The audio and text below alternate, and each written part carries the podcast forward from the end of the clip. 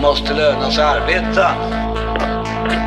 Ja, vi är alldeles för dåliga vi kvinnor på att lyfta varandra. Tycker du att det är rättvist att du kan få rutbidrag för bartenders? Just nu tror jag att det är vi som är den starkaste den, av den svenska modellen. Avundsjukan i det socialdemokratiska idealsamhället är ju större än sexualdriften. Välkomna till Arbetsvärldens podd fredag den 21 september 2018. Arbetsvärlden är en fristående tidning för dig som följer arbetsmarknaden och ges ut av TCO. Vi finns bara på nätet, precis som den här podden. När man vill kommentera och prata med både tidningen och podd så gör man det på Twitter och Facebook. Eh, och här är vi som vanligt, eh, gänget som poddar. Britta Lejon, eh, ja. ordförande för facket ST. Och Samuel Engblom, samhällspolitisk chef för TCO. Och jag heter Mikael Feldbaum och är chefredaktör för Arbetsvärlden. Mm.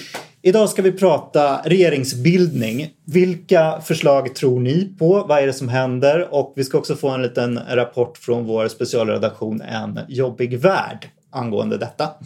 Sen ska vi prata om den här spännande nyheten att Öland, Gotland och Småland hotas av robotar. Vad är det egentligen som händer? Och eh, sen så ska vi se om vi har lite tid till spaningar på slutet också. Hörni, eh, vi börjar med den här, eh, det här lilla inslaget som vi har i arbetsvärlden som heter En jobbig värld och som idag handlar om regeringsbildningen. Så här går det. Löfven drar tillbaks hand efter smärtor. Stefan Löfven tvingades natten till fredag att sänka sin arm och hand eh, efter att ha hållit den utsträckt från kroppen i närmare fyra dygn. Statsministern vårdas nu på Karolinska Universitetssjukhuset för en akut inflammation i axelleden, så kallad frusen skuldra. Socialdemokraternas gruppledare i riksdagen riktar skarp kritik mot att flera av alliansens partiledare passerade Stefan Löfven utan att reagera på den utsträckta handen. Statsministern stod strategiskt placerad vid brickstället på restaurang Strömmen i riksdagshuset. Ulf Kristersson ska vid ett tillfälle tryckt sedlar i Stefan Löfvens hand i tron att han arbetade som servitör på restaurangen. Ebba Busch Thor kan på övervakningsbilder från natten till torsdag ses använda Stefan Löfvens hand som askkopp. Ja, är det så här det går till? Eh, Kanske vad... inte riktigt. Men er liksom spontana reaktion på vad det är som eh, händer nu i regeringsbildandet? Händer det någonting tror ni? Ja, det är säkert massor med saker som händer. Om man lyssnar bara till, eh, när man är utanför och bara lyssnar till retoriken, för det är den man kan, så är det ju, ja, som vi var inne på, det är ju liksom, det låter inte så hoppfullt för tillfället. Eh, förmågan att liksom se vidare än, än de positioner man hade i valrörelsen och förmågan att försöka åstadkomma någon form av ökat samförstånd verkar inte riktigt, åtminstone om man ska lyssna till retoriken, inte vara här än. Mm. Det tar nog lite längre tid. Mm. Ja, man måste köra sitt, uh, sitt eget alternativ i botten innan man är redo att kompromissa. Mm. Ja, det är väl den situationen de står inför och jag tycker det är väldigt svårt att veta vad som kommer hända. Eh, talmansvalet kan vara en första indikation, men behöver inte vara det. Det kan ju också vara en del av ett, av ett större, eh, större pussel och ett större spel. Så mm. vi får se vad, vad, vad som händer där. Mm. Eh. Yes. Uh, hörni, jag ställde upp lite olika regeringsalternativ. Kan inte ni säga vilka ni tror på? Mm. Uh, vi har ju uh, på, på, på, ena sidan, vi kan börja med den, så har vi MKD regering som då skulle accepteras av Sverigedemokraterna. Och sen har vi Alliansen säga att de bildar regering och eh, stöds antingen då, eller accepteras antingen av SD eller av S i någon sorts överenskommelse. Och sen så har vi en bred blocköverskridande regering då med S, MP, L och C. Uh, och sen kanske en liten light-variant av den blocköverskridande regeringen med bara S och C. Det är väl kanske de alternativen mm. som det har pratats mest om, tänker jag. Vad tror ni, eh, vad tror ni är realistiskt? Alltså man får komma ihåg, en regering ska göra tre saker. Den ska lyckas bli vald, den ska lyckas få igenom en budget och den ska lyckas regera. Och det där ser lite olika ut, den matematiken för de här olika alternativen. Jag tror att MKD blir en, ganska, en, väldigt, en väldigt svag regering och skulle nog upp, upplevas som en, som en nödlösning. Eh, och som då dessutom ska, då ska den stö ha stöd eller acceptans av SD samtidigt som den har det från C och L. Eh, så den tror jag, en sån regering tror jag blir väldigt svag och jag tror, inte, jag tror, jag tror att det är ganska osannolikt. Eh, en alliansregering kan ju så, så formuleras på två sätt. Antingen så kan den ha acceptans eller stöd från Sverigedemokraterna eller acceptans eller stöd från eh, Eh, från eh, Socialdemokraterna. Det är väl de två alternativen. Och det är klart, i det här senare alternativet då kräver väl det att Socialdemokraterna får ganska mycket för det stödet. Då ska det vara ett läge där Socialdemokraterna upplever att det är, att det är värt att gå i opposition. Eh, samtidigt som de då inte kan bara lägga sig platt utan då måste de ha en ganska lång kravlista på vad en sån regering inte får göra. Och det kan handla om att den inte ska ändra, ändra i arbetsrätten till exempel. Det kan hända med ett antal sådana här andra saker. Eh, så den, den regering som ser ut som den skulle kunna vara handlingskraftig egentligen eh, eh, på lite längre sikt det är väl en sån här eh, mittenregering, S, C, L, MP därför att den skulle ha partier på bägge sidor om sig och på det viset kunna få igenom sina förslag utifrån att det inte finns majoritet mot dem. Eh, men den ser också ut som att den är ganska svårbildad. Alltså den, den, den, där finns kanske problemet i det första läget, att bilda den regeringen, medan det blir lättare sen. En del andra regeringsalternativ kanske är lättare att bilda, men det blir svårare för dem sen. Mm. Britta, vad säger du? Ja, eh, det sista håller jag definitivt med om och just därför så tror jag kanske på en M och KD. Därför att nu, nu är vi vid ett skede, alltså det handlar om psykologi också. Mm. Så, så, frågan är vad är möjligt i det skede vi befinner oss nu? Och jag tror att det fortfarande är så att mentalt är det en lång resa kvar att åstadkomma till exempel den här breda mm. eh, mittenregeringen som många ser som det bästa möjliga. Liksom, sådär. Ja. Men, men liksom för den skulle vara hyfsat stabil och stark och sådär. Eh, och jag tror att, att det första eh, alternativet med en alliansregering som skulle ha stöd av till exempel S då, det tror jag är omöjligt för S. Eh, faktiskt jag tror inte att man kan ställa upp på det. Man är ändå det största partiet. Eh, man har liksom, ja jag förstår inte riktigt hur det skulle gå till uppriktigt sagt. Eh, en alliansregering med stöd av Sverigedemokraterna förstår jag inte hur Annie Lööf skulle klara av att liksom mm, överleva. Så det tror jag inte heller på. Mm. Så den går bort av de skälen. Ja, både Annie Lööf och eh, Jan Björklund har ju olika tillfällen före valet sagt att de inte de är inte beredda eh, med den, nej, med till den lösningen. Nej, och med en sån hög retorik och sån tydlighet och med en sån emfas som man har framfört de åsikterna så bedömer jag det som utsiktslöst att se någon helomvändning där. S och C tror jag inte heller är, liksom, man är inte mentalt där. Alltså jag tror att vi får räkna med att nu är det vad är möjligt? Och då är, i mitt huvud är det M och KD som eh, är möjligt med, eller bara M, vilket ju skulle bli fruktansvärt minimalt, med stöd av Sverigedemokraterna. Mm. Det är vad jag ser som mest sannolikt, för jag tror att det är det som är möjligt just nu. Men kommer eh, L och C väldigt, Precis som du säger, mm. är ju det en otroligt svag regering så den kommer ju ha väldigt svår och skakig resa. Eh, så att jag tror att det, det är nog ingen regering som håller i fyra år inte. Men precis, men kommer L och C släppa igenom en sån regering. Det blir ju en sorts svek då mot alliansen Ja, men det är ett mindre stöd än att regera med ett aktivt stöd av Sverigedemokraterna. Mm. någon måste, måste ha... någon, några måste, inte bara någon, några måste justera sina positioner. Men, mm. men jag tror att det finns ju grader i helvetet, grader i form av svekdebatt. Så att, mm.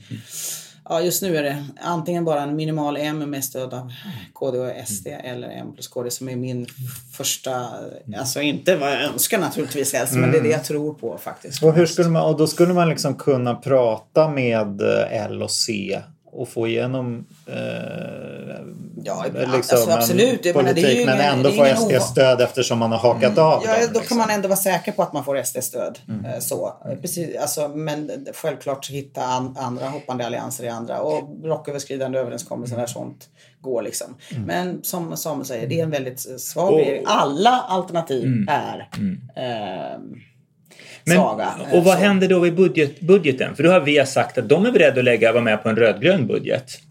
Mm. Och då en rödgrön budget är ju större än, en, än alla budgetar som inte stöds av Sverigedemokraterna. Mm. Mm. Så att eh, ja. då är det ju, då hamnar man i ett läge där man måste ta in Men dem. Men vad tror du är mest möjligt då? Jag, jag, tror, jag, jag har jättesvårt att säga. Alltså, jag, jag, det är just det här att man kan faktiskt inte se vad som händer. Det är det som känns Säg att, vi, säg att någon utifrån skulle komma in och titta på det här landskapet så skulle de säkert säga men titta här, det går ju att bilda en mittenregering. Eh, och rent politiskt så är det inte jättesvårt skulle jag säga. Eh, eh, att, att för skulle det inte vara... De står inte jättelångt ifrån varandra, S, C, L, eh, MP. Det är arbetsmarknadspolitiken, vårt område, som skulle bli lite knakigt. Men det är klart att det går och där tror jag också det finns, det finns eh, lösningar man får, man får göra då, där bägge parter kommer, skulle få, få, få ge med sig på vissa eh, områden. Ibland står de kanske inte riktigt lika långt ifrån varandra som retoriken eh, antyder. Men det känns som att det finns liksom kulturskillnader mellan partierna. Det finns också att det inte personkemin mellan de ledande företrädarna känns inte jättebra. Och jag är lite förvånad över hur partiernas medarbetare eh, då ganska nära partiledningen, om man ser hur de beter sig på sociala medier, de fortsätter liksom att hetsa mot varandra. Mot dem som de kanske ska vara, då, om, om, de, om det här går igenom, ska vara kollegor med imorgon. Mm. Och där, det kan jag tycka är lite konstigt. Man, man måste lägga ner den där valrörelsen bakom sig eh, och, och, få ut de där hormonerna i kroppen och sen så får man börja, börja tänka på att nu, ska, nu finns det ett land som ska regeras. Också. Mm. Du låter som den genomsnittliga politikern när du säger sånt där Samuel. De säger också det. Så här, nu är valrörelsen över, nu ska vi ta ett steg tillbaka. Ja, men de, jag tycker inte att de har betett sig så än. Jag tycker det känns som ganska mycket valrörelse fortfarande. Eh, eh, så att, nu känns det som att nu får vi ta ett par statsministeromröstningar så det blir på allvar. Mm. Bara en helt annan tanke då än din alternativ. Mm. Jag, jag, tror inte på det men bara liksom S, eh, MP och L. Jag vet att varje litet parti som sätter alltså den här risken att bli omintetgjord och sådär och L är väldigt litet nu. Men eh, ja. Det tror jag skulle kanske vara lättare. Ja, vi får ja, se. Hur skulle det se ut i en budgetomröstning? Nej, jag vet då? inte. Jag bara... Jag, oavsett. Jag, för att, jag menar, det som skulle vara stabilt det skulle ju vara någon form av stor koalition. Men, och, ja. där är, och där där jag tror... Alltså, ja, men det är jag, tror att det krävs en omgång av, av jag tror att det krävs en annan omgång först. Liksom. Att man har försökt bilda någonting annat, kanske lyckats. Men, eller... Jan Björklund och Stefan Löfven kommer säkert bättre överens än Jan Björklund och Annie Lööf. Och Stefan Löfven och Annie Lööf kanske. Ja, förlåt. Mm. Ja, så mm. menar jag förstås. Ja. Så ur det perspektivet, men hur ser det ut i en budgetomröstning? Ja. Ah, förlåt, men i, alltså, i, en, i, en, i en kommun så skulle man lösa det här? Kommun, I kommunerna hanterar man ju sådana här saker hela tiden. Vi kommer att få en regering så småningom. Frågan är hur länge den överlever och liksom, mm. Eh, hur stabil den är. Och jag tror att mer... Det krävs nog lite kriser till innan, mm. innan eh, innan vi alla tror jag, men framförallt de som behöver åstadkomma det här eh, klarar av att åstadkomma större, bredare mm. koalitioner. Jag, det känns som det som, jag skulle som, önska att det går att göra. Ja. Men det, mest, det känns väl som att det som sannolika som händer är att först så röstas då Stefan Löfven bort ja. och sen så går uppdraget till Kristersson och då går, går, han fram till, går han till talmannen med en ren alliansregering. Och så skulle jag tro att den, i vart fall i första läget röstas, då, då röstas den ner för då kommer de rödgröna rösta emot och, det kommer även Sverigedemokraterna att göra för att de inte har blivit konsulterade eller pratade med. Va? Pang! Eh, och det, sen, och sen börjar är frågan vad som händer. Mm. Och då är frågan så här. Väljer Kristersson och allianspartierna det läget att för, börja liksom samtal med SD i någon form? Och hur funkar det för C och L? Eller är det så då att C och L funderar på att prata åt något annat håll. Det, det där liksom det, det, det, Och det är väl så att alla måste ha den, jag tror den omröstningen måste man göra för att folk ska kunna säga att nu är det ett nytt läge. Jag nu får vi titta på nya. Jag tror i så fall att talmannen i så fall går till eh, Löfven eh, nästa, nästa vända. Ja. Så då är ju frågan vilka möjligheter ja. finns det efter en sån mm. första nedröstning? Men det var, vad gör allianspartierna då? Va, vi, mm. hur, hur, vilka håll drar Men de? det här kanske talar för då att uh, Ulf Kristersson försöker förekomma att talmannen går till Stefan Löfven och bildar just en MKD-regering som du säger. För annars så har vi Stefan Löfven som får ett initiativ att försöka locka C och L då. Men då måste han ju ta, prata med SD och COL samtidigt. Ja, ja. Hörrni, det blir en spännande vecka nästa vecka. Inte, eller hur? Ja. Vi, själva politiken då. Mm. Ehm, du har en, en hel eh, matris med det här. Men det som är uppe i luften är väl liksom hur man ska komma överens om. Och där de stora skillnaderna är väl skattepolitiken och eh, ja, det är olika bud här på sänkta inkomstskatter och höjt tak för eh, statlig inkomstskatt och RUT och ROT. Och sen är det också sänkt tak i a-kassan som från Alliansen mm. och mm. arbetsrätten. Där man vill ha proportionalitetsprincip för sympatiåtgärder och S och sin sida vill liksom ta bort allmän visstid och eh, hyvling och så här. Så det är ju, var tror ni att det kan landa då? Alltså, ska jag säga så här, jag har ju sagt det tidigare innan i något avsnitt vi hade inför, inför valet att det här var inget systemskiftesval. Det är inte så att liksom två tydliga modeller står mot varandra. Eh, det är inte den typen av val.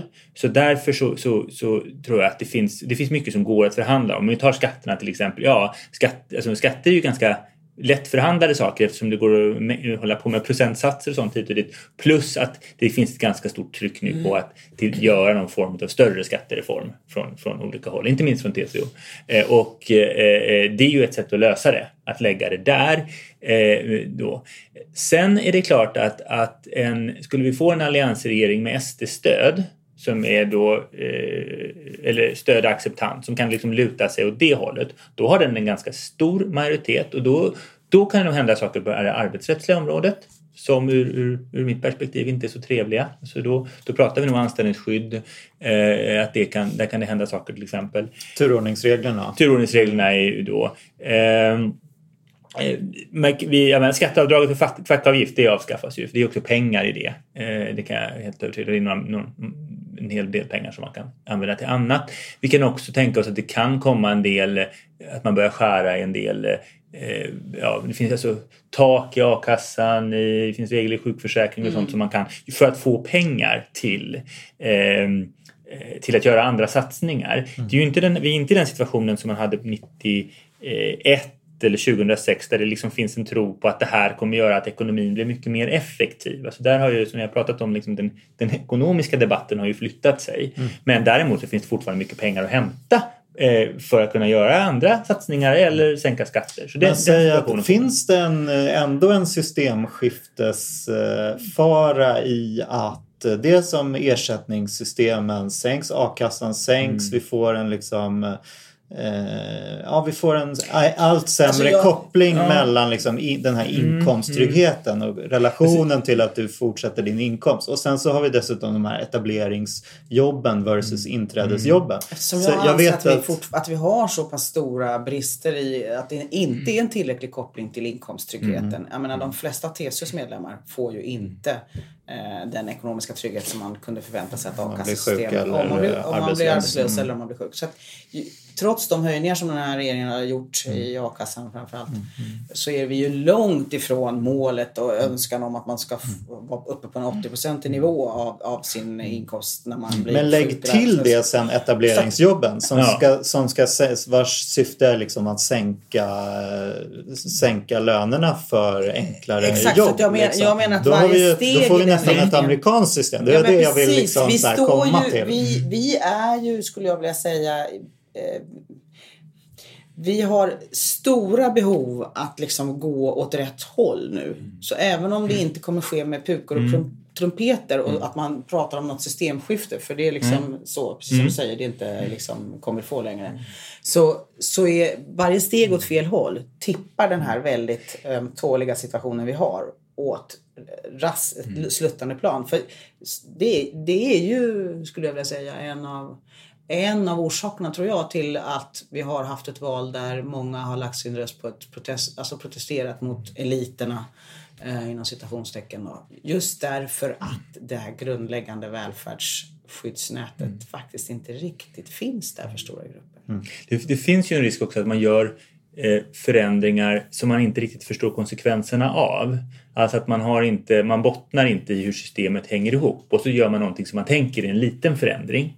Eh, till exempel med det här ändra i turordningsreglerna. Och så förstår man inte att det påverkar balansen på arbetsmarknaden, det påverkar omställningsavtal, det påverkar en massa andra saker. Eh, det finns också, tycker jag, i samhällsdebatten finns det en tendens att ifrågasätta institutioner och sånt. Ja. Så, att, så då blir det det här att, att om vi tidigare ändå funnits någon sorts eh, tröskel för att göra eh, systemförändringar utifrån att jo, men vi har ändå liksom en, en, en, en, i Sverige har vi en etablerad modell som säger att det är parterna som sköter eh, eh, lönebildningen till exempel, ja då finns det en risk att man liksom inte man har glömt varför vi har den Ja, modellen precis. och då gör man en, en, en förändring. Jämfört om vi går tillbaka då till 90-talet eller tidiga 2000-talet då kanske det snarare handlar om att ja, vi vill förändra den här modellen. Va? Eh, därför att vi tycker att det finns en eh, ekonomisk forskning talar om för oss att det finns en, en bättre variant. Där är man inte. Men man kan liksom av, av, av misstag eh, och, utan, och därför att man inte förstår konsekvenserna göra saker som blir systemförändrande. Och det är nästan farligare för det, det, liksom, då blir det ännu svårare att, att, att förklara varför varför det här inte ska göras och, gör, och skapa liksom, eh, få den uppmärksamhet kring, kring en sån förändring som den, den, den förtjänar. Jag tycker man kan, nu är, pratar vi ibland om det, arbetsmarknadsjournalistiken är lite på defensiven. Det finns inte eh, så mycket arbetsmarknadsjournalister längre. Det är få som klarar av att belysa eh, vad en sån förändring eh, skulle betyda. Mm. Vad får vi med en mittenregering då? Nu har vi varit Ja. inne på liksom den eh, mest det- extrema ja. utvecklingen. Den är, om man kollar på arbetsmarknadsområdet så är ju det en av de här sakerna där de, där de symboliskt måste göra upp. Därför att det är där de retoriskt står långt ifrån varandra. Och även prakt, praktisk politik står långt ifrån varandra. Eh, Centern har sagt att de vill ha en arbetsmarknadskommission. Det har någonting som de har sagt. För att titta på hela. Ja, då kan man tänka sig, det kan ju vara ett bekvämt sätt att ja, men då tillsätter vi en arbetsmarknadskommission så lägger vi in massa frågor som vi inte är överens om i den. Men det som är och det kan ju framstå som en ganska bra lösning. Det som är lite problematiskt just på, på arbetsmarknaden är att långbänkar i lagstiftning påverkar förhandlingssystemet. Så säg att man skulle tillsätta anställda och så slänger man in anställningsskyddet i, i en sån.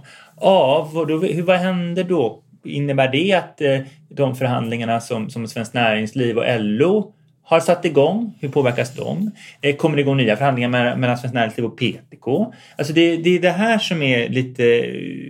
Vi, vi förhandlar ju bäst när vi är fred. Va? Eller så gör man så lite som möjligt men att det ser ut som man eh, är Mm. överens fast man faktiskt Jag tror att man på arbetsmarknadsområdet har fruktansvärt svårt att komma överens därför att det ligger i liksom i generna i båda i, i de här partierna att man tycker man Mm, tycker genuint olika här. Eh, och då tror jag kanske att ja Mm. okej någon sorts kommission eller utredning möjligtvis eh, för att skjuta liksom de svåra diskussionerna framför Mm. sig. Eh, och man, ja, kanske Mm. kanske titta på mer av en samordning mellan Försäkringskassasystemen och Arbetsförmedlingssystemen skulle jag kunna tänka mig att man kan komma överens om att titta på för att nu har vi precis haft den här Cecilia Fahlgrens utredningen kring just specifikt arbetsmarknaden och AF och sådär. Så att jag tror att i så fall är det någonting bredare som man försöker sig på. Eh, Det skulle jag kunna tänka Ja, mig. det Vad kan en sån blir- sak landa i då? Eh, Jag tror att det är ganska uppenbart att den, alltså, oavsett vilken regering vi får så finns det en, ett, ett eh, alltså, även, även den sittande regeringen är ju inne på att stöpa om arbetsmarknadspolitiken. Annars hade de inte tillsatt arbetsmarknadsutredningen till exempel. Eh, eh, eh, så där, där tror jag att det kommer ske saker vad gäller ja, det finns ju- ansvarsfördelning Ja. mellan stat och kommun, det mellan myndigheter och regering. så. Oavsett regering Ja. så kommer man göra saker där. Va? Eh, sen har vi frågan om etableringsjobben och inträdesjobben. Ja, där går det ju kompromissa. Man säger att man har etableringsjobben och så gör man något tillägg av något slag för man skapar någon form av ny insats eh, Mm. för eh, då, företag som inte omfattas av etableringsjobben. Där finns det lite sådana här marginaler att, att jobba med. Va? Men, Mm. men, så att, men ar- arbetsmarknaden blir ett område som skulle vara knepigt för en mittenregering att få ihop. Liksom. Ett annat Det- område är ju, jag menar... Ja, nej, ja, det finns fler områden. Mm. Så kan man ju säga. Jag bara tänker på försvarsfrågorna och NATO-diskussionen och sådär. Den får man ju parkera liksom. Mm. Men den är ju inte helt lätt i en alliansregering heller. Nej. Framförallt inte med SD-stöd. Nej, precis. Så att den är väl, den, den, eh, den är oavsett. Eh, jag läst gamla Tycker jag- jag regeringsförklaringar Ja, eh, och det ser man att det är ganska, just inom försvarspolitikens område så säger de, är de i stort sett identiska. eh, ja, det är väl ett område som det är väl bra med lite kontinuitet och samförstånd över Ja. blockgränserna om man säger så. Och det är väl kanske även de mest ivriga NATO-förespråkare Mm. kanske kan hold their horses lite grann just nu. Kan man hoppas. Mm. Nåväl, vi får se. Eh, ja, men, eh, så att, eh, vad säger vi om en sån här eh, mittenregering? Att det kanske, eh, förutom på arbetsmarknadsområdet då, Mm. kommer det hända så mycket mer? Jo, men sen kan vi inte... Skattefrågorna skulle jag kunna tänka mig att man gör en del. hand om. eh, EU-frågorna tror jag ja. också att man kommer klara av att bli överens om även om Miljöpartiet kanske har lite annan hållning där. Men, men liksom, ja. Mm. Fast, fast när det gäller EU-frågorna bara... Har man Ja. definitivt kommit Ja. överens om tror jag. Nej, för det alltså EU-frågan är lite spännande också därför att eh, där tycker jag att det har, skett, det, där har skett förändringar som vi kanske kommer bli ännu tydligare när, när vi närmar oss Europaparlamentsvalet. Det vill säga att det har skett en förskjutning där eh, ja, partier som Miljöpartiet och Vänsterpartiet har ju liksom en historia av att vara liksom nej till EU-partier. Men tittar man liksom på hur de ser på olika initiativ som EU tar så har ju de ofta en positiv syn va, på dem. Medan då till exempel Moderaterna som har, är ett parti som då det var ju verkligen ja till ett ja till Europa-parti. Eh, tycker jag kommer mer oftare och oftare liksom skeptiska till olika initiativ, både liksom politiska initiativ och lagstiftningsinitiativ på EU-nivå. Jag tror EU-nämnden blir en ganska intressant eh, här i den här nya riksdagen och dynamiken där. Därför att den här, vi har ju haft lite borgfred kring EU-politiken. Det är ändå en form av utrikespolitik och det är bra om Sverige har viss kontinuitet. Det är bra att den svenska regeringen har ett mandat att företräda svenska intressen. Men det händer ju ibland att en regering får eh, stryk i EU-nämnden. Att man då precis innan man ska åka ner till Bryssel får nya direktiv eller man, man tar tillbaka någonting, man ändrar någonting. Där tror jag att vi kan få se mer av det. För vi har då SD som, är ett, ett, som inte alls gillar EU. Eh, och eh, jag säger att även inom liksom KD och M och så, så lite börjar det komma en del sådana såna tendenser. Så att EU-politiken kan bli väldigt spännande att följa efter, Ja. efter valet. Mm. eh, faktiskt. Eh, Och det kommer inte vara de här gamla eh. Jag tror det, det är, tittar vi, eh, vi har ju gjort inför valet en massa opinionsundersökningar hit och dit och MP-väljarna bland tjänstemännen, de gillar ju EU jättemycket. Va? Hörni, vi går över på vårt nästa ämne. Eh, det är ju så här att eh, Öland, Gotland och Småland är ju särskilt utsatta för robotar som kommer och eh, kommer att ta över produktionen där. Samuel, du har läst den här OECD-rapporten som ligger till grund för denna utsaga. Ja, Guida oss lite. Ja, det har jag gjort. Nej, så här är det. Eh, I tisdags så släppte OECD en rapport som heter eh, Job Creation and Local Economic Development 2018 Preparing for the Future of Work. OECD är ju då eh, det som, jag tror The Economist brukar kalla dem a club of rich countries, men det är ju de industrialiserade ländernas samarbetsorganisation. En väldigt inflytelserik sådan. Eh, 22, 26, 22, ja, någonting Ja. sånt länder. Eh, som, som, eh, och som, de har ju ingen lagstiftningsmakt men de delas ut utfärdar riktlinjer och sen så gör de ju väldigt mycket policyundersökningar. Det kommer mycket rapporter därifrån och de anses ha hög kvalitet och sånt. Och då har de gjort en som handlar om hur eh, Eh, autom- alltså, vad gäller om regionala skillnader vad gäller automatiseringens påverkan på arbetsmarknaden.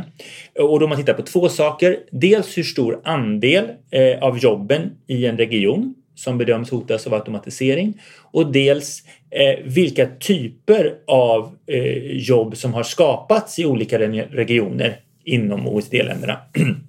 är, det då, är de högre lågkvalificerade och viktigast i det här sammanhanget är det jobb som hotas av, som bedöms hotas av, av eh, automatisering eller som, där det är låg risk för att de automatiseras.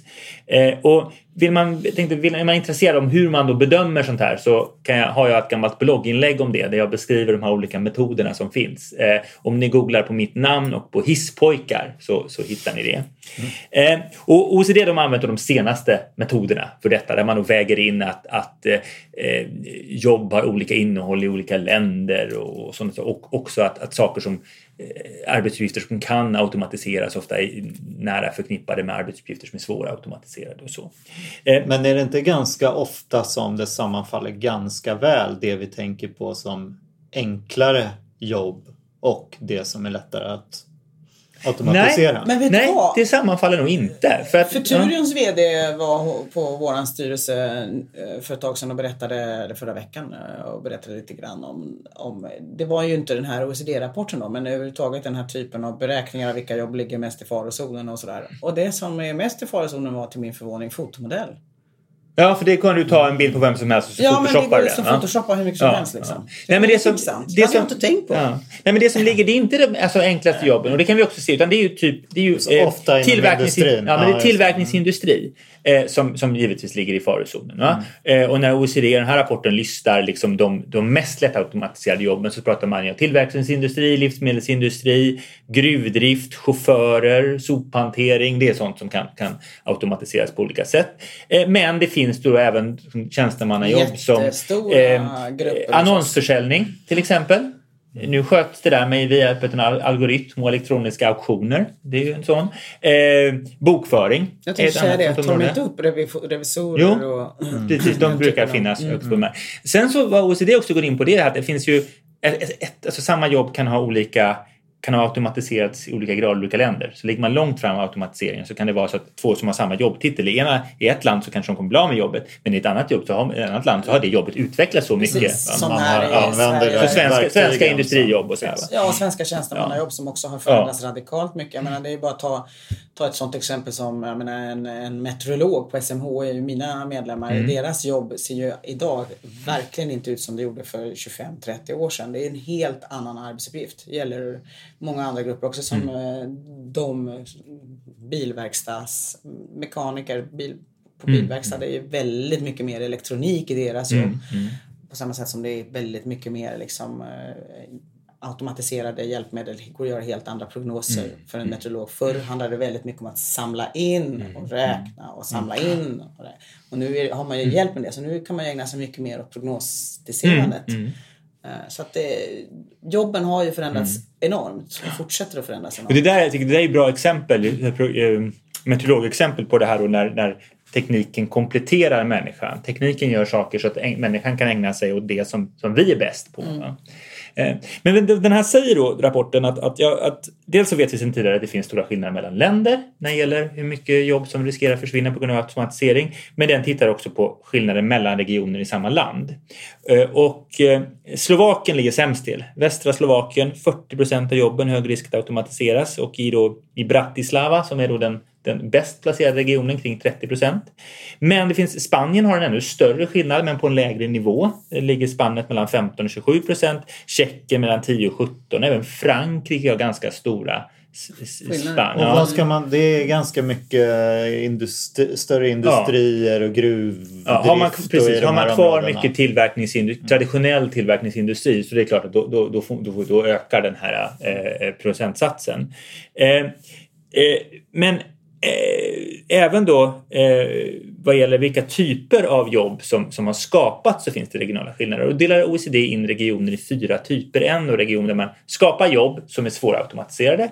En annan där man skapar jobb som är lättautomatiserade. En där man förlorar jobb som är svårautomatiserade och en där man förlorar jobb som är lättautomatiserade. Mm. Och man vill ju då vara bland de här som skapar jobb som är svårautomatiserade. Det är ju den man vill ligga i mm. då. Eh, och eh, för att förklara de här skillnaderna mellan regioner så är det ju arbetskraftens utbildningsnivå spelar stor roll. Det här är mycket service och tillverkning man har. Det är klart, har man en stor servicesektor så har många av de här så har man inte lika många lättautomatiserade jobb, i alla fall inte i första skedet.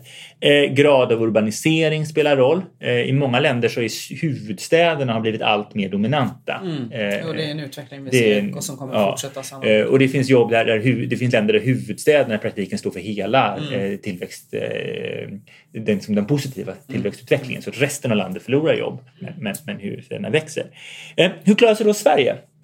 Ja, Sverige klarar sig väldigt bra. Eh, Eh, vi vet sedan tidigare, att vi är ett av de länder som har eh, den lägsta andelen jobb som, som eh, har hög risk för automatisering. Och den här eh, rapporten visar då att vi även har ganska små regionala skillnader. Så mellan Stockholm som då är en av de regioner i OECD som har lägst, där är det 7 procent ungefär jobb som man bestämmer kan automatiseras bort. Eh, och Småland och öarna som är de här då som enligt DN hotas av, av robotarna. Eh, då är det, skiljer det bara 2-2,5 procent. Så det är ganska lite skillnad. Och vi är då ett av de länder som har de minsta skillnaderna också. Eh, och då är ju lite, och 7, 8, 8 svenska regioner skapar jobb och de skapar jobb som är svårautomatiserade. Sen har vi en region som är norra Mellansverige som mellan 2011 och 2016. Eh, där hade vi en situation där man, man förlorade eh, jobb som var, var lättautomatiserade. Eh, då. Och det finns även en del andra jämförelser här som är ganska trevliga för Sverige. Vi har ju vi har små regionala skillnader vad gäller sysselsättningsgrad, vad gäller arbetslöshet. Det som sticker lite ut i ett område där vi då inte är bäst, det är vad gäller utbildningsnivå. Mm. Där är vi snarare så här mediannivå. Vi har alltså, ligger i mitten av fältet vad gäller skillnader i utbildningsnivå mellan regioner och de har ökat mellan 2006 och 2016. Så det är liksom någonting som, som tyder. Eh, men överlag ser det, ser, det, ser det bra ut. Och då blir frågan, hur, vad ska vi göra med sådana här rapporter som säger att vi är bra? För det kommer ju mycket sådana, eller hur? Va? En, en Väldigt larmrapport bra, väldigt bra fråga Samuel. Ja. Vi kan inte bara hålla på och tycka att vi är bra och sen nöja oss med det. Liksom. Nej, och en la- en larmrapport blir lätt, lätt att hantera. Oj, vi måste tillsätta en kriskommission, vi måste göra saker. Va? Precis som PISA-rapporten. PISA är ju också Ja. OECD, det är ju det, det, har ju blivit. Och, och PISA, den, den är ju inte alls tänkt att användas på det viset som Nej. den har använts i Sverige. Och den har fått för stort genomslag. Men klart, det blir lättare att hantera. Vi faller i en ranking. Men så pumpas det ut om alla de här om hur fantastiska vi är. Och det är klart, det är trevligt för, för näringsdepartementet att kunna sprida dem i sociala medier och sånt. Va? Och vi blir inbjudna till konferenser och, och kunna komma ut och prata. Det är ju jättekul. Men eh, det, det, det kanske inte ger oss så mycket rent... Vi måste hitta ett annat sätt att... Vad tycker du att vi ska göra? Jo, det, där Det verkar som du har någon idé. Ja, jag har idéer. Eh, dels är det det här att, att dels måste vi komma ihåg att, att vi måste förstå varför vi är bra. Det är det. Eh, men det förstår ju vi Och så att vi inte kastar ut barn med badvattnet. Hur mycket tid har vi? Ja, nej men Hur ska vi... Ja, eh, och det, första, det första är att det är sällan en regeringspolitik som har skapat det här. Om vi, då, om vi har en välutbildad befolkning idag med höga, inte bara hög utbildningsnivå utan höga färdigheter, då beror ju inte det på de reformer, skolreformer som har skett de senaste tio åren. Då är det ju alltså de som föddes på 70-talet som gick i skolan på åt- 80-talet. Det I en beror på flumskolan alltså. Ja, i en skola som präglas av 60-talets det är det som är utbildningsreformer. framgångsreceptet. Nej, men det är ju, liksom, det är ju, man måste ju se de här långa eh, trenderna. Eh, jag tror också att vi måste förstå, förstå att ibland handlar det om att vi redan har gått igenom till exempel Ja, strukturomvandlingar. absolut. Så vi måste hålla fast vid vår förmåga att, att ta en strukturomvandling, att Precis, omskola och hur folk stor till kommer den nya. möjligheten vara med svaga regeringar? Alltså, Ja, eller hur? Så det det är- ju en väldigt svår frågeställning vi har framför oss. Ja, det är ju precis en sån. Och sen också att eh, när det gäller regionala skillnader så är Sverige särskilt intressant därför att vi har eh, vi är ett land, vi har inte alltid haft små regionala skillnader. Om vi går tillbaka Nej. till 1860 som Kerstin Enflo som är ekonomisk historiker i Lund har gjort. Då var vi Sverige, Spanien och, och eh, Frankrike, det är då två länder som har stora regionala skillnader. Vi var på samma nivå. Eh, Men sen hände, och, och Kronoberg till exempel, det var ju utflyttningsbygd. Det är, alltså, utvandrarna pratade om, alltså folk svalt. Eh, och sen 120 år senare så var det en av de rikaste regionerna i Sverige. Och det där är ganska ovanligt. I de flesta länder så är det samma regioner som, som är rika. I Sverige, Stockholm ligger alltid etta. Men är inte så dominant, ligger inte så långt före som man gjorde, gjorde förr i tiden. Eh, och, det är, och det här då pekar hon på, i en, det finns en jättebra sammanfattning av forskningen som hon har gjort för, för SNS. Ja, det beror ju på politik. Alltså politik har betydelse. Eh, och då är det en del, en del av politik är så här klassisk regionalpolitik, alltså att det här vi, vi, vi försökte flytta ut tillverkning och vi har flyttat på statliga myndigheter. Politik i en bred bemärkelse hoppas jag att hon menar. För det handlar Ja. inte bara om vad som händer i riksdagen. Nej, det är Även om det är politik. Mm. fullkomligt va- avgörande. Men det handlar ju också, inbillar mig att hon säger, om vilken politik som resten av samhället, alltså vilket ansvar tar näringslivet, hur, att fackföreningsrörelsen har haft ett, Mm. tagit ett så stort ansvar för att se till att inte bara folk ska stå och hålla sig vid sina jobb, Nej. utan att vi accepterar strukturomvandling. Men mot kravet då att folks trygghet och välfärd kan garanteras ändå. Och det är tillbaka där Ja, nej, det- liksom och det- befinner oss i den där lilla... Vet, Ja, det- när hon det- listar policyområden kan man säga att det är kombinationen av, dels är det sånt här som Utbildning. Så dels är det att vi har satsat ute i landet. Mm. Men det är också så att vi har haft en intern rörlighet. Så att folk har flyttat. Vi har haft den solidariska lönepolitiken som har eh, gjort också, Mm. Precis, tror jag, exakt. att vi har, Så vi har å ena sidan bejakat strukturomvandling och å andra sidan försökt liksom kompensera genom möjligheter. Det är väl det Inte rädda jobb, utan rädda människor. Ja, Men det som blir aktuellt idag är väl också det här, de här sammanhållna lönerna som vi har haft och ganska Mm. höga lägstalöner som har satt press på att just automatisera enklare jobb. Mm. Ja, men exakt. Och Ja, men det det nu när det liksom kommer idéer om fler enkla Ja. jobb och så vidare. men det är så det är ju det man riskerar Det är så jäkla att... eh, korkat. Och det- och det är ju också det vi ska ju utvecklas som nation. Vi ska Ja. få fara och inte gå bakåt heller. Och det är som är bra tycker jag med den här OECDs distinktion med de här fyra varianterna. Att är du en region som skapar jobb men de är lätta automatiserade.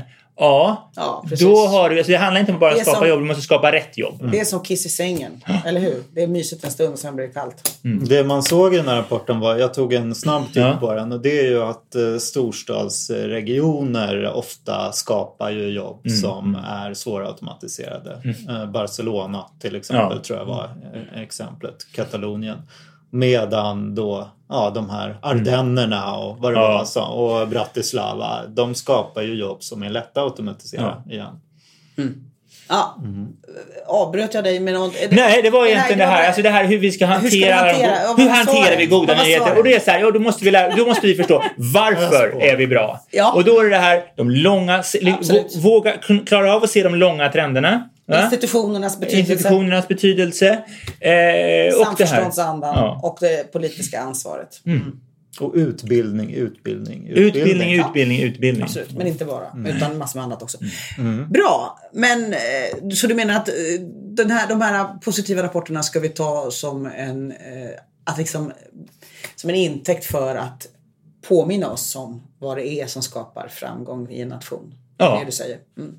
Det är det. Bra. Inte bara som beröm, utan vi måste förstå varför. Vad ska vi säga om urbanisering? Urbanisering, Nej, men, ja. men, Ja, för det är ju någonting ganska, det är ju något som man känner spontant uppmuntras av den här typen av studier. Att folk kan flytta till storstäder som skapar jobb som är framtidssäkrade. Ja, Liksom. men det, det tror jag, den utvecklingen finns ju där oavsett om det kommer sådana här Mm. studier eller inte.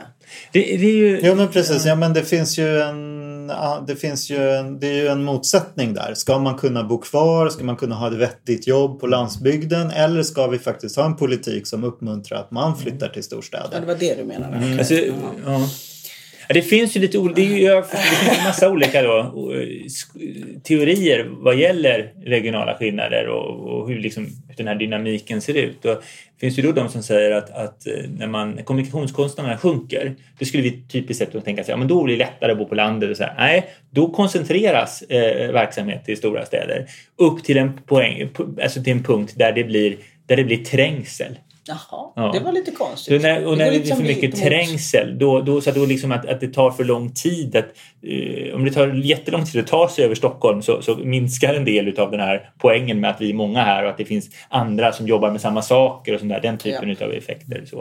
Eh, men det är klart, det är också sådana saker som kan förändras med vårt förhållande till, till, till eh, vårt förhållande till kommunikation med varandra. När vi tycker att ett Skype-samtal är lika bra som ett, ett fysiskt möte eh, och vi skapar samma typ av relationer i ett sånt. Ja, då kanske en del av de här sakerna Det var ett härligt förändras. flummigt svar. Det är ju Krugman som har gjort Ja. de här äh, modellerna på hur eh, transportkostnader påverkar Mm. kluster, kluster och sådär. Mm. Det finns både pull och push-faktorer. Jo, men det är klart att det finns någon gräns. Det känns som vi börjar närma oss den nu. Tänker på alla, Mm. alla, all kollektivtrafik som eh, är så fullkomligt nödvändig men som är så underdimensionerad i Stockholmsregionen. Ja. Mm. Hörni, kan inte jag få slänga in en spaning? Mm? Jo, gör det. Eh, För att jag har en fråga till er. Eh, så här. Brittiska LO, TUC, Mm. de vill ju ha fyra, timmars, fyra dagars arbetsvecka. Har de ju, jag tror att de till och med har fattat beslut på sin kongress Okej. om ja, det. Det känner till. Ja. Eller i alla fall har det varit uppe eh, för diskussion. Jag ska inte svära på att de har fattat beslut. Och så eh, finns det ju sådana här exempel på att IG Metall har minskat arbetsveckan i Tyskland till 30-35 timmar i vissa fall. Det finns stora företag, KPMG och Google som också har testat sådana här fyra, fyra dagars arbetsvecka och verkar eh, ha behållit de där eh, idéerna i vissa fall liksom. Eh, och sen så kom ju de här och sen så finns det flera rödgröna kommuner som har varit inne på att vi kanske ska ha sex timmars eh, arbetstid i, om dagen i landstingen. Och sen så kom ju den här eh, familjeveckan där S tycker att vi ska jobba mindre. Vad är det här? Har socialdemokrater plötsligt eh, bytt fot och blivit Nej, liksom nej. arbetstidsförkortare? Nej, ja, jag har åtta timmars arbetsvecka och bla bla bla. Men det har ju ändå funnits en väldigt stark idé om att vi ska jobba, Vi ska alla ska arbeta. jobba, vi ska, ska arbeta mycket och vi, för det att det är pengarna till välfärden i- det i- handlar om. Och nu plötsligt så finns det en svängning. Ja, men arbetstidsfrågorna har alltid funnits i arbet, arbetarrörelsen. Från början med åtta timmars arbetsdag. Eh, åtta Jo, men timmars det har vila. ändå, håll med om att det har varit ett till- starkt till fokus på att vi ska jobba. Till semesterfrågorna, driva fram en semesterlagstiftning. Till att vi har 40 timmars... haft 40 timmar. Men det har ju varit sådär. Vänsterpartiet och Miljöpartiet som har drivit de här idéerna om att vi ska jobba ja, mindre. Ja, ja, ja. Nej, men jag tror att det där är, en, alltså, för, det är ju mina medlemmars absolut viktigaste fråga skulle jag vilja säga. I senaste avtalsrörelsen var det en av de absolut svåraste frågorna vilket ledde till att vi, och där vi och arbetsgivarna stod längst ifrån varandra. Det här är vår tids stora maktkampsfrågor på svensk arbetsmarknad. Det är frågor om arbetstid. Därför att det är, det är så pass svårt och pressande för människor att få ihop sina liv. Eh, Och det är klart att det ser otroligt olika ut om du befinner dig på en typ av arbete där du själv rår över din tid som väldigt många tjänstemannagrupper gör. Eh, jag menar, ta ett typexempel, en professor eller någon annan som liksom, ja, lite undervisningstid har man, lite handledningstid, men väldigt mycket bestämmer man själv. Då är det ju skitenkelt att följa med barnen till eh, något utvecklingssamtal eller ta hand om gamla mamma som måste gå till, åka till akut. Ja, du vet. Men sitter du som många av mina tjänstemannagrupper också, jag menar jag har ju både liksom, jag har ju alla typer. Sitter du, sitter du som eh, en tjänsteman på Försäkringskassan och möter folk? Eh, eller sitter du i en eh, rådgivning på Skatteverket och svarar i telefon mellan klockslag X och Y. Eller, alltså det är klart att då är du mycket mer bunden. Då kan du inte gå därifrån för att lösa allt annat som behövs lösas för att få livet att gå ihop. Så å- åtminstone för mina medlemmar, men jag vet att det är också så för många andra, andra på arbetsmarknaden, så är just önskan om att få kortare arbetstid och att få mer inflytande över arbetstiden prio nummer ett. Finns och jag tror att det här är ett eh, svar. Alltså, så det vet man. Det här är ett svar på det. Finns det nå- men just att facket ofta då kanske har börjat eh, gå med på det här. Finns det, en, finns någon trend att så här, det är så svårt att öka löner så vi sänker arbetstiden istället? Ja, men sådana överenskommelser har ju förekommit och förekommer på lokal nivå. Alltså att man gör byteshandel och också på individuell nivå att man gör den typen av byteshandel. Eh, Vi har hittills haft väldigt svårt att komma fram både avtalsvägen på nationell nivå och eh, också när det gäller att försöka påverka politikerna tidigare. Så jag ser det här som otroligt... Jag ser föräldraveckan och det här utspelet om fyra timmars dagen som otroligt eh, intressant och hoppingivande. För jag tror ju också att vi är väldigt mycket, vi nu menar jag alla som håller på med, med arbetsmarknadsrelaterade frågor, väldigt också mycket präglade av dåtid, den gamla tidens arbetsmarknad. Det här med att man ska sitta, stämp, alltså när jag började jobba då var det stämpelklocka som gällde liksom. Så är det ju inte längre och det är, vi är fortfarande väldigt mycket präglade av det här och det, den typ av jobb som OECD-rapporten pratar om som kommer vara de som gäller framöver. Det är ju väldigt mycket där man är kreativ, konstruktiv, samarbetsinriktad. Det, alltså att man åstadkommer saker istället för att man befinner sig på en arbetsplats mellan X och Y, klockslagen. Det också- och det kan man ju göra när som helst. Och Men det är också personliga helst. tjänster och personliga tjänster de kräver ju att någon är på en viss plats vid en viss tidpunkt. Så det är ju, det är ju blandat. både alltså det, det, det ska, och det där skulle jag säga var en jätteintressant sak att titta på. Vad är det för, hur, hur de här nya jobben som skapas, hur stor andel av dem har den här flexibiliteten? För det är ju, det fin, det är ju som Britta säger, det finns Ja, två frågor här. vården måste Hur mycket- folk ja, vara på plats, så det går ju inte Hur mycket jobbar folk? Och och hur också- styr du ar- hur, hur, hur mycket kan du styra ditt arbete? Ja, men Det är det- arbetstidsfrågorna i vården det är är, ju de stora problemen. Tänk på hur, vilka enorma svårigheter det har varit i hela EU när man har pratat om arbetstidsfrågorna Mm, och i Sverige. Alltså, det är ju en otrolig konfliktfråga. Men motståndet från Finansdepartementet har väl alltid varit så här, okej men vi kan inte jobba mindre. Hur ska vi få pengar till eh, skatt, till Självklart. välfärd? Absolut. Har det vänt? Nej, men, Varför men har det vänt? Jättebekym- Pannan läggs ju djupa veck hos Mm. både företrädare för Svenskt Näringsliv och det- Finansdepartementet när vi har julledigheter som är väldigt positiva för löntagarna. För det får ju direkta effekter på BNP. Det, man kan ju, Mm. Men man har det kan ju hänt det. någonting där? Har finansen eh, slappnat av? Eh, ja, det Det vågar inte jag svara på. inte Men inför risken av, av eh, alltså det där, det där bra jag förslaget med föräldraveckan som jag tycker är jättebra borde ha kommit långt tidigare i valrörelsen ur ett S-perspektiv. Mm. Eh, och jag tror att det kom så sent beror på att finansen fick, gav sig väldigt sent. Mm. inför risken att få 22 procent. Okej, bra. Då ska vi avsluta och släppa iväg er. Hörrni, eh, man kan ju lyssna live på Facebook på den här podden och så kan man lyssna som podd. Eh, Och man kan kontakta oss och eh, prata med oss på Facebook och Twitter och man ska förstås prenumerera och ge oss bra betyg på iTunes och allt sånt där. Jo, nästa gång så får vi faktiskt besök av en eh, Joakim Medin, journalist som har skrivit den här boken Orbanistan. Så då ska vi prata lite om Ungern. Oj, då måste man kanske försöka läsa någonting. Vad sa du att boken hette? Orbanistan. Orbanistan. Mm, har vi gjort reklam för den också så här inför. ja. Så det blir spännande. Mm. Tune in då. Hej. Hej. Tack för idag. Tack.